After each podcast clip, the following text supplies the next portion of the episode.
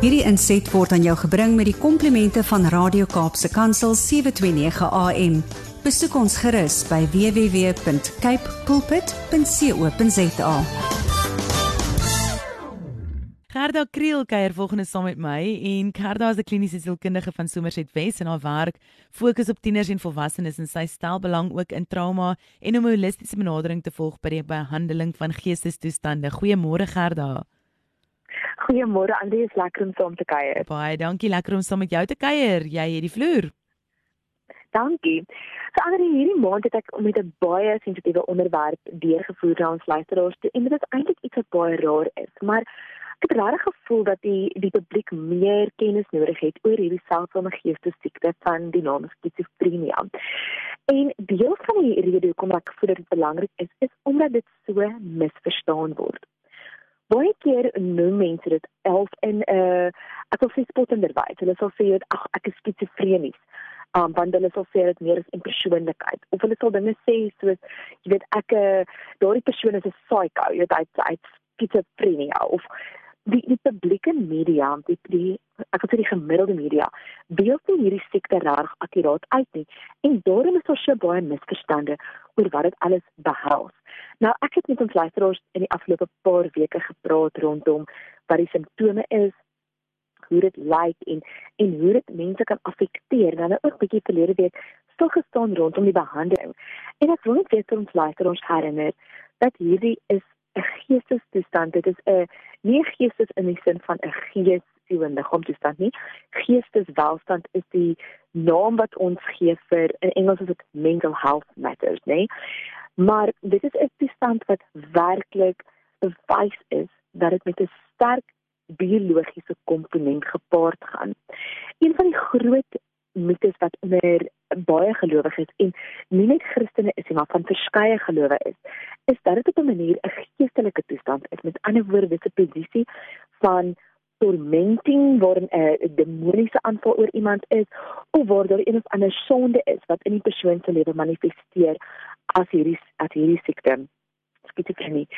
En dit is nie akkuraat en dit is ook nie in hierdie tydperk waar ons na die tydperk van van Christus wat gekom het as ons redding, Bybelse korrekte manier om daarna te kyk nie reg.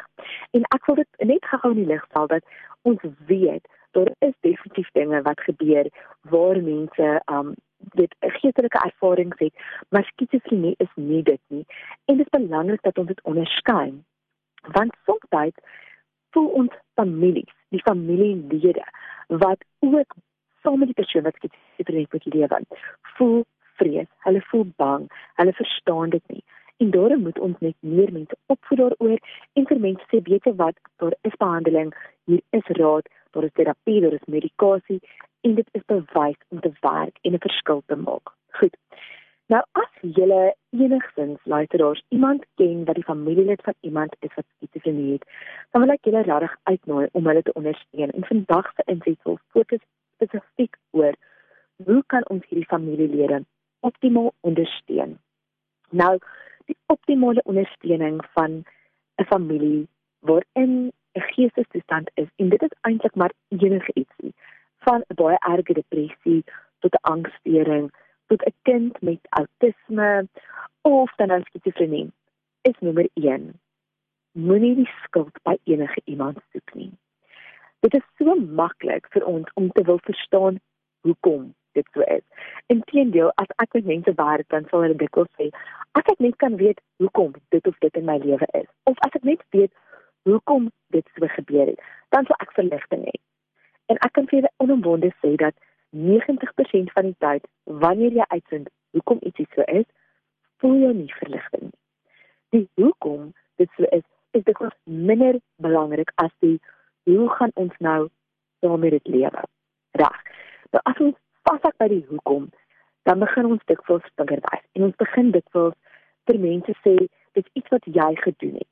Jy weet, jy kan vir 'n ma sê dit is daai keer toe jy dit in sy lewe gedoen het of dit is daai keer toe die pa vir hom daai pak slaag gegee het dit het hom geknak of dit is die feit dat jy bly naby 'n plek met onveilige water of dit is 'n inenting wat jy klap het gegee wat ook al jy al wat jy doen is dit vir die blaam vir ietsie wat onverklaarbaar is bo op 'n persoon en dit veroorsaak skaamte dit veroorsaak skuld.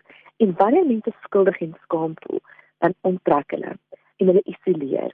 En dit was isoleer hulle van hulle ondersteuningsstruktuur, maar hulle hulle hulle onttrek ook dit van die Here af. En dis die laaste wat ons wil doen. As gelowiges het ons 'n verantwoordelikheid om mense in liefde te dien.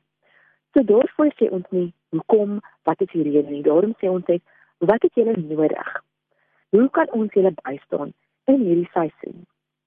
Die aard van skizofrenie is kronies. Dit beteken dat iemand lewenslank dit sal hê en dat dit amper soos 'n tipe kanker in remissie gaan wanneer die medikasie en die behandeling optimaal is. Maar dat 'n persoon enige tyd weer op sy lewensduur kan 'n uitbreek hê of met ander woorde dit kan op 'n stadium weer opkom. Dit gebeur dikwels dat iemand um hulle medikasie vir tyd lank ophou gebruik want hulle voel beter en dan nie lank daarna nie dan het hulle weer 'n episode. Nou ongelukkig die aard van die siekte is dat as jy 'n episode het elke keer is dit 'n deel van jou brein wat meer vatbaar word om dit weer te kry en die medikasie word dan minder effektief. So ons wil eintlik probeer voorkom dat mense episodes het, deurbreek episodes het. En daarom moedig ons pasiënte aan om op hulle medikasie te bly selfs wanneer dit reg goed gaan.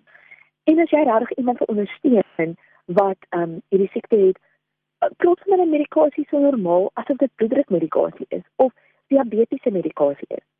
Net so vir die pankreas nie genoeg insulien vir die liggaam maak nie, net so maak die brein nie genoeg dopamien of te veel dopamien maar dit is in wandelaan en dit is nie die persoon se skuld nie. Goed. So as jy hulle wil ondersteun, moenie vra hoekom nie, ondersteun die gebruik van medikasie. En dan laat jy ook uitnooi luisteraars om versigtig te wees om nie raad te gee. Um as jy nie alself die pad gestap het nie. As jy alself die pad gestap het, asseblief gee raad en ondersteuning en loop langs vir mense 'n pad. Maar as jy nog nooit die pad gestap het nie, is die raad om vir iemand te sê, "Ja, hierdie essensiële jy probeer." Of het jy al probeer om na hierdie persoon toe te gaan om vir hulle te bid? Of het jy al dit probeer of dit probeer of dit probeer? Wat ek jou weer die antwoord is, ja, die familie het meestal al alles probeer in die tyd wat hulle medikasie begin gebruik. Meeste mense wil nie lewenslank op medikasie wees nie. En hulle het regtig nie nodig om te hoor dat die keuse van behandeling wat hulle nou gebruik, die verkeerde keuse van behandeling is nie. Gee hulle die geleentheid om optimaal dit daar te wees. En dan wil ek ook sê dit is 'n ongelooflike ontnigterende en ontwrigtende ervaring wanneer 'n familielid hierdie siekte het. Hulle verloor kontak met realiteit. Hulle raak weer mekaar, hulle loop op en af, hulle slaap is versteurd en die hele familie is eintlik so 'n bietjie op hete kole. Dit is 'n goeie tyd om vir mense dan in daai tyd ook kos te neem. Dis jy later ons sien dit gaan nie goed nie. Ons bring vir julle 'n bietjie inkopies of ons bring vir julle 'n bietjie ete. Is daar ander maniere hoe ons julle kan ondersteun? Kan ons die kinders in die huis skool toe neem of na hulle buitemuurse aktiwiteite toe vat? Of kan ons vir 'n paar aande na julle familielid omsien sodat julle kan rus? Want ook het familielede rus nodig. Julle daar is nie skaamte in hierdie siekte toestand nie. En hoe meer ons begin sê ons wil dit destigmatiseer en ons wil dit normaliseer, ons wil mense sê dis okay om daaroor te praat, hoe meer kan ons ondersteuning bied. Ja, ons lees die Bybel dikwels en dan kyk ons na hoe dit gemaak is met melaatse mense. Melaatse mense is werklik uitgeskot uit die samelewing uit en eenkant gesit buite die stad se poorte. En dan dink ons dan self, hoe kon dit so breed wees? En tog in vandag se tyd doen ons dit so maklik met mense wat geestesiektes het. En daarom my terwyl ek julle uitnooi om te sê julle het nou die kennis, julle verstaan nou die siekte beter. As julle enige iemand ken wat 'n familielid het wat hierdie siekte het of as julle iemand self ken wat dit het, tree in en vra eerder, hoe kan ek julle ondersteun? Behou goeie grense, julle hoef nie deel van die drama te raak nie. Maar dit is ons goddelike plig om vir hierdie aan vir hierdie mense in ons lewens ook ondersteuning en liefde te bied soos wat Jesus dit gedoen het. Hy het nie weggeskraam van mense met siektes nie. Hy het hulle genees. En daardie selfde genesingskrag lê in ons. En dikwels lyk dit so om vir iemand 'n bord kos te vat of om vir iemand te kan bid en te sê ons is hier ons ondersteun julle. Moenie daardie mense sien asof hulle 'n um, verskillende vloek oor hulle lewens het nie. En ek wil graag julle iets sê, julle skizofrenie is nie aansteeklik nie. Jy kan dit nie kry deur nie omgewing van iemand te wees wat dit het nie. So ek wil julle regtig uitnooi en julle sê dankie dat julle saam met ons hierdie reeks gekuier het. Nou volgende week gaan ek in studio saam met ander praat en gaan op Zoom wees. Ek gaan vra antwoord. Stuur asseblief julle vrae of deel met ons julle ervarings. Ons wil so graag by julle hoor.